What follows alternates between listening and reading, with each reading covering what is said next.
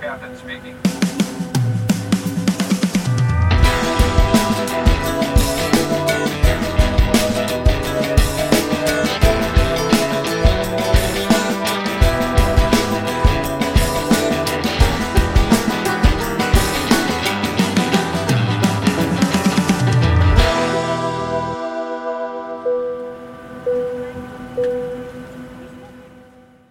Günaydın. Bugünün yolculuk menüsü şu. Katalogdan aile seçilir mi? Şimdi ilk bölümden malumunuz ben lise 3'teyken Kanada'ya gittim. Ve yine biliyorsunuz ki İngilizce konuşamıyorken orada bir İngiliz okuluna gittim. Fakat bu bölümle beraber öğreneceğiniz bir şey daha var ki ben gitmeden önce katalogdan kendime bir aile seçtim. Taksim'deki danışmanımın bize bulduğu ve içimize sinen bir okula kaydolmuştum. Bir sonraki seneye Kanada'nın Ontario eyaletinde Ottawa isimli bir şehirde geçirecektim. Gittiğim okulun yaşım itibariyle de bana konaklamam için sunduğu iki seçenek vardı. Biri eski usul yatakhanede kalmaktı. Öteki ise yeni usul homestay adında bir konaklama programıydı. Bu homestay programı da çocuklarını ta ebesinin nikahını okumaya gönderen ailelerin çocukları için çocukları orada kaldığı süre boyunca onlara çakma ailelik edecek karı kocaları veya çocuklu aileleri buluyordu. Bu ailelere de host family deniyordu. Bu öğrenciler bu aileler yanında kaldığında aileler onlara odalarını yaklaşık bir 500 dolara falan kiralıyorlar ve bir aile ortamı yaşatmayı hedeflediklerini iddia ediyorlardı. Tabii Kanada doları o zamanlar 1'e 1,5 yani şimdiki gibi 1'e 22 falan değil yani. Neyse bu fiyata da evde kullandığın elektrik, su, yaşam giderleri ve yemek dahildi. Full pansiyon yani öyle düşünebilirsiniz. Yatakhanedeki yerler de çoktan dolmuştu. Dolayısıyla da bize düşen Taksim'deki eğitim danışmanımızın elimize tutuşturduğu katalogdan bir aile seçmekti. Yaklaşık 50 sayfadan ve 20-25 aileden oluşan kataloğu aldık ve babamla eve geldik. Ve annem, babam, ben üçümüz bir hafta sonu aktivitesi olarak bana aile seçtik. Her aileye ayrılan ikişer sayfalık bölümlerde ailelerin böyle cümbür cemaat çekilmiş fotoğrafları ve tanıtım yazıları vardı. Yan sayfalarında da ailelerin hobileri ve aktiviteleri yazıyordu onları tanımamız için. İçimize siner gibi olan bir aileyi seçtik biz katalogdan. Adamın ismi David, kadının ismi Gail. Davut yani dedim iyi iyi yani biz bizden biri. Bir tane kızları var üniversiteye giden ve bir tane de köpekleri var. Davut'un fotoğraftan anlaşıldığı üzere klasik bir baba göbeği var. Göbek de tabii biraz güven veriyor bize tabii haliyle. Host family olma sebepleri arasında da farklı kültürlerden insanlar tanımanın onları çok mutlu ettiğinden ve kendileri de hali hazırda bir genç kız büyütmüş olduğu için gelen öğrenciye aynı özenle yaklaşmak için duydukları hevesten bahsediyorlardı. Orijinal. Aynı katalogdaki diğer 24 aile gibi. Nedenini tam hatırlamıyorum ama herhalde onların da erişkin bir kızı olduğu için olabilir. Biz son kararımızı bu aileden yana kullandık. Geriye kalan tek şey de okulun toplantı odasında böyle okul başlamadan az biraz önce yaklaşık 4 ay önce katalogdan seçmiş olduğum bu insanlarla buluşmaktı. Ya bu buluşma tabii ki bir Esra Ceyhan buluşması gibi de olmayacaktı. Sonra ben Ağustos ortasına doğru Ottawa'ya geldim. Okul yaklaşık iki hafta sonra falan başlıyordu ve o meşhur tanışma toplantı odasında aynen planlandığı gibi gerçekleşti. Tanışmamızın da ertesi gününde yanlarında kalacağım ailenin evine bir İngiliz kraliyet aktivitesi olarak çay saatine gittik. Muhteşem üçlü, annem, babam, ben. Yani entegrasyonun bir yandan da tam gaz başlamıştı. Herkes iyi anlaşmış gibi gözüktü. Sonra da beni bir sene boyunca kalacağım odaya çıkardılar. Ne yalan söyleyeyim içimde bir Mimar Selim Bey kalp çarpıntısı da yok değildi. Dediler ki aha da burası senin odandır. Ya doğruyu söylemek gerekirse benim İstanbul'da kaldığım evin odası çok küçüktü. Çünkü oda doğmamıştı. Oda olmuştu. Yani kısacası annemler Gölcük depreminde sallantıyı çok büyük hissedince odam evin giriş kapısına çok uzak olduğu için kapının tam önüne denk gelen kısmı salondan bölmüş, salonu küçültmüş. Benim için çıkışın daha kolay olabileceğini düşündükleri o noktaya bir oda yapmışlardı. Bu evdeki oda öyle değildi. Bu oda böyle has be has odaydı. Belli ki oda olarak yapılmış ve oda olarak da varoluşunu sürdürüyordu. Yanlarına ertesi günden itibaren taşınabileceğimi söylediler. Ya bir de son olarak hakkımda en önemli şeyler nedir onları sordular. Sanki böyle sorduklarında aklıma lönk diye gelecekmiş gibi. Gelmedi de. Ertesi gün İstanbul'dan yanımda getirdiğim bütün eşyaları iki gün önce tanıştığım ailenin evine taşıdım. Annemle babam arabadan eşyaları indirirken Gail ve David eşyaları yukarı taşımamıza yardım etti. Oldukça garip bir andı. Çok da merak ediyordum onlarla nasıl anlaşacağımı. Beni sevmiş gibi yapıyorlardı ama yani yalandı. Bunu çok iyi biliyordum. Çünkü daha beni tanıyacak vakitleri bile olmamıştı. O zamanlar yani bundan herhalde bir 10-12 yıl önce benden birkaç yaş büyük birkaç arkadaşım AFS ile birer senelik değişim programlarına gitmişlerdi hatta hatırlıyorum. Ve öyleydi ki döndüklerinde yanlarında kalmış oldukları ailelerden bahsederken Amerika'daki ailem, Fransa'daki ailem falan diye bahsediyorlardı. Ve aile kavramının bu denli şubeleşmiş olması bana o kadar garip geliyordu ki insanların doğdukları ve onları büyüten aileler dışında iki günlük insanlara aile demelerini anlamlandıramıyordum kendimce. Benim kendi şahsen bir tane hususi ailem vardı. Ve yani gayet de onlardan memnundum. Ve merak ediyordum aslında içten içe acaba bir sene sonra tatil için ben de Türkiye'ye döndüğümde bu insanlara ailem diyecek miydim? Benimle aynı evde yan odamda bir kız kalıyordu. Fakat o Türkiye'den değil kara para aklamakla çok meşhur başka bir ülkeden gelmişti. Gürcistan değil. Söz gelimi aile yemeğe hep beraber oturmamız ve o günün nasıl geçtiğiyle alakalı muhabbet etmemiz hakkında da oldukça ısrarcıydı. Bana o kadar tersi ki bu zoraki muhabbetler. Yani ben kendi anamın, babamın işten gelmesini beklemiyordum akşam yemeği yemek için. Kendimi el aleminkini beklerken bulmuştum. Ve hayattaki en büyük zevklerimden biri olan saat 5'te okul çıkışı izdivaç izlerken yemek yemek saadetim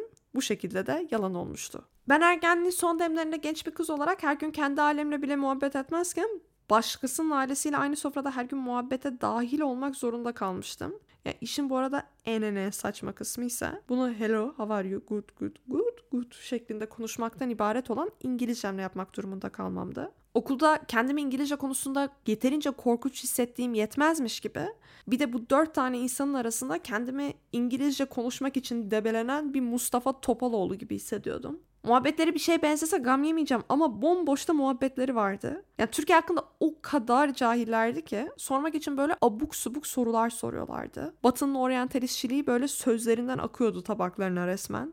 Yok hayır deveye bilmiyoruz. Yok Arapça konuşmuyoruz. Aa, yok tabii. Bu kullandığınız telefonların aynısından Türkiye'de de var. Televizyon evet aynısından. Vallahi aynı markalar biz aynen bu şekilde izliyoruz. Aha, renkli. Zaten böyle aşırı tahammül seviyesi yüksek bir insan değilim. Olan bütün tahammülüm de iki gün arka arkaya sofraya oturunca taze bitti. Çünkü evlerinde kalacak insanların geldiği yer hakkında bu denli araştırma yapmamış olmaları beni biraz sükutu hayale uğratıyordu. Tamam yani kimseden Türklere Anadolu'nun kapısının ne zaman açıldığını bilmelerini beklemiyordum ama en azından saçım açık sokakta dolaşabildiğimi bilmelerini bekliyordum. Yani mağarada mı yaşıyorsun ulan ayı? Yıl olmuş 2013 tak tak tak şak şak şak enter Google var yani. 6 yaşından beri Frankofon okullarına giden bana bütün eğitim hayatım boyunca Batı'nın bilgeliğinden, insanların entelektüel birikiminden ve kolektif bilinçlerinin üstünlüğünden bahsedilmişti. Fakat gel gör ki ben o adı geçilen Batı'nın sofrasına ilk oturduğumda bomboş bir cehalet ve vurdum duymazlıkla karşılaşmıştım. Ya oysa bana yıllarca empoze edilen şey Batılı'nın en birikimsizinin bile oldukça birikimli olduğuydu. Batı'nın arkasına sığınıp kendilerini üstün gördükleri tek şeyin ise tırnak içinde kendi sömürgecilik başarılarından öteye gitmediğini 8 sene sonra Paris'e taşındığımda anlayacaktım. Ya şok ediciydi ve o oturduğum sofrada Kanada'da yaşayacağım süre boyunca o güne kadar öğrendiğim bir sürü şeyi yapı söküme uğratıp sıfırdan öğrenmem gerekeceğini anlamıştım. Neyse sonracığıma bu ailenin evinin her müstakil Kuzey Amerika evinde olduğu gibi bir kapıdan bir de garajdan giriş vardı. Garajdan eve de iç kapı gibi bir şeyle giriliyordu. Yani önce bir kod yazıyordunuz garaj kapısına açılıyordu. Sonra otoparka giriyordunuz ve içteki kapıyı açıp eve geçebiliyordunuz. Yani ve bütün bu parkuru o içteki kapı kilitsiz olduğu için hiçbir şekilde anahtar kullanmadan yapabiliyordunuz. Özellikle ben o şekilde girmeyi çok seviyordum çünkü ben hayatım boyunca anahtar taşımamıştım. Ve şu anda zaten bütün alışkanlıklarım tepe taklak olmuşken ve hepsini ardımda bırakmak zorunda kalmışken elimde tutabildiğim kadar eski alışkanlıklarımı tutmakta inat ediyor ve bir tanesini daha da bırakmak istemiyordum. İnanılmaz basit görünen bir şey olabilirdi ama benim için önemliydi bu. Bir gün okuldan çıktım hava böyle eksi 29 derece falan. Eve gittim garajın kapısını açtım. Tam iç kapıyı açmaya yöneldim ki aha ne göreyim David ve Gail bana söylemeden o kapıyı kilitleyip evden çıkmışlar. O gün kapının kilitleneceğinden haberim yok. Yanımda anahtar yok. Ben böyle kaldım kapıda. Saat 2 falan da öğleden sonra ve garajın içi böyle cephe gibi soğuktu. Aradım bunları. Dedim ki ben kapıda kaldım. Dediler ki aa sen garaj kapısından mı giriyordun? Ah bilmiyorduk tüh tüh vah vah. Biz kilitledik ya o kapıyı. İçimden dedim ki nah bilmiyordun. Eşek gibi de biliyorsunuz o kapıdan girdiğimi görüyorsunuz sürekli. Sonra öğrendim ki meğer o kapıyı açıp kapamamla yaktığım elektrikten rahatsız olurlarmış. Ben o gün onlar eve gelene kadar yaklaşık 4 saat eksi 29 derece havada bekledim. Bir yerlere gidip oradan bekleyeyim diye düşündüm. Ama inadım inattır benim. İnadına bekledim. Geldiklerinde üzülmelerini istediğim için bekledim. Fakat arabalarından gayet sakin ve vurdum duymazca indiklerinde anladım ki ben ve üşüyor olmam onların mikinde bile değildi. Ben o gün ilk defa bana ait olmayan bir aile tarafından üşümek zorunda bırakılarak cezalandırılmıştım. Zaten beni iyi etmeye çabalamazken sanki çok seviyorlarmış ve sanki çok umurlarındaymışım gibi davranıyorlardı. Ben de bu olayla böyle iyice delirdim yani. Mesela muhabbet olsun diye önüme bir soru atıp hiçbirinin cevabını dinlemiyorlardı. En sevdiğim yemeklerin ne olduğunu sorup hiçbirini yapmıyorlardı. Veya rahat uyudun mu diye sorduklarında üşüdüğümü söylediğimde kaloriferin derecesini bile yükseltmiyorlardı. Soru sorup cevabını dinlemiyorlardı. Çünkü zamanları konusunda cimrilerdi. Yemekleri sorup yapmıyorlardı. Çünkü emek verme konusunda cimrilerdi. Ve kaloriferleri açmıyorlardı. Çünkü cepleri konusunda cimrilerdi. Yani bu konularda cimri olan insanların da sevgi konusunda cimri olmama ihtimali tabii ki yoktu. Tadına tuzuna doyum olmayan muhabbetleri, Elektriğin belli saatlerde daha ucuz olmasından mütevellit kıçımdaki donu saat kaçta makineye atmam gerektiğine dair talepleri, sanki hiç parasını vermiyormuşum gibi yemekte önüme koydukları bir adet haşlanmış mısır ve hazır çorba yetmezmiş gibi, bir de intihara teşebbüs eden ev arkadaşımın bileklerini yan odada kestiği için evdeki bıçakların ortadan kaldırıldığının benden saklanmasıyla durum benim için artık gerçekten tahammül edilmez bir hal almıştı. Doğu kurnazsa da Batı'nın peki dürüstlüğü cebindeki para tehlikeye girinceye kadar mıydı? Arkadaşımın başarısız sonuçlanan intihar denemesinden sonra kız evden gitti. Fakat huzursuzluk ve birkaç metre ötemde olan şeylere ruhumun duymamasının verdiği korku çoktan kaldığım o 20 metrekarelik odayı doldurup taşırmıştı bile. Ben de en büyük tesellim olan Nutella'ya sarıldım. Tabii ki de o koca evde kimsecikler yokken yalnız vakit geçirmeye iyice iyice korkar olmuştum. Ve her an her yerden böyle bir şey çıkabilir korkusuyla kendimi o 20 metrekarelik odaya kapatıyordum. Geceleri uyurken de korktuğum için annem ve babamı Skype'tan arayıp ekran karşısında uyuyordum. Hayatımda ilk defa ruhlardan, inlerden, cinlerden falan korkuyordum yani. Ben zaten daha yeni 17 yaşındaydım. Aklımda 100 tane, 1000 tane soru vardı. Mesela kız neden intihara teşebbüs etmişti?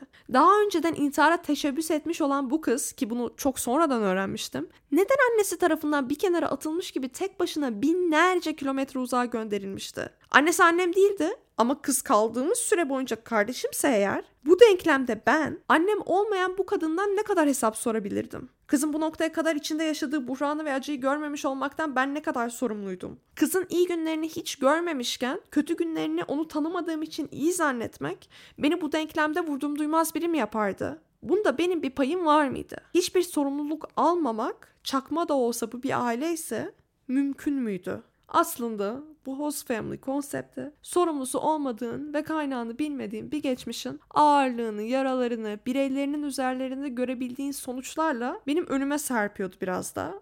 Yani biraz dertsiz başıma dert veriyordu. Köklerini bilmediğim yükleri de taşıyacak motivasyonu içsel olarak kendimde bulamıyordum. Olan aslında özetle şuydu. Benim bir annem ve bir babam vardı. Fakat ben dinli bilmediğim başka bir anne babaya yamanmıştım. Hiç kardeşim olmamıştı. Fakat ben 16 yaşında hap hazır bir kardeşe yamanmıştım. Ve bunların hepsine yamanılırken yalanlarıyla, depresyonlarıyla yamanmıştım. Dertleriyle, tasalarıyla ve sorunlarıyla bir paket olarak gelmişlerdi. Ve ben tanımında aile kelimesi barındıran bu insanlara karşı nedenli bir sorumluluk beslemem gerektiğini anlamıyordum. Bu da yetmezmiş gibi, sanki kendi derdim tasam bitmiş gibi bir de kendimi başkalarına iyi gelmek ile uğraşmak çabasında buluyordum. Ve ben sonuç olarak şunu anladım. Meğer sevgi bağı olmadığında bu yamanılan şeyleri taşımak sadece bir yük olurmuş. Ve köküne şahit olmadığım bir şeyin sorumluluğunu almak zorunda hissetmek sadece bireyi yorarmış. Parasını verdiğim bir şeyin içinde iyilik değil, sadece çıkar aranırmış. Bir insanın kendi ailesiyle anlaşmakta güçlük çekerken başka birinin ailesiyle ailecilik oynamayı denemesi büyük bir delilikmiş. Yani fakat varoluş itibariyle zaten problematik bir yapı olan ailenin sanki bir de iyi bir şeymiş gibi bir de ekstradanmış gibi kopyalanmaya çalışılması daha da beter sonuç verirmiş. O kataloglara bir ailenin hobilerinden ziyade sinirlenince nasıl intikam aldıkları, anlatamadıkları gerçekleri saklarken hangi yöntemleri kullandıkları ve ne zaman yalan söyledikleri yazılmalıymış. Katalogdan aile seçmek de biraz paranla rezil olmakmış.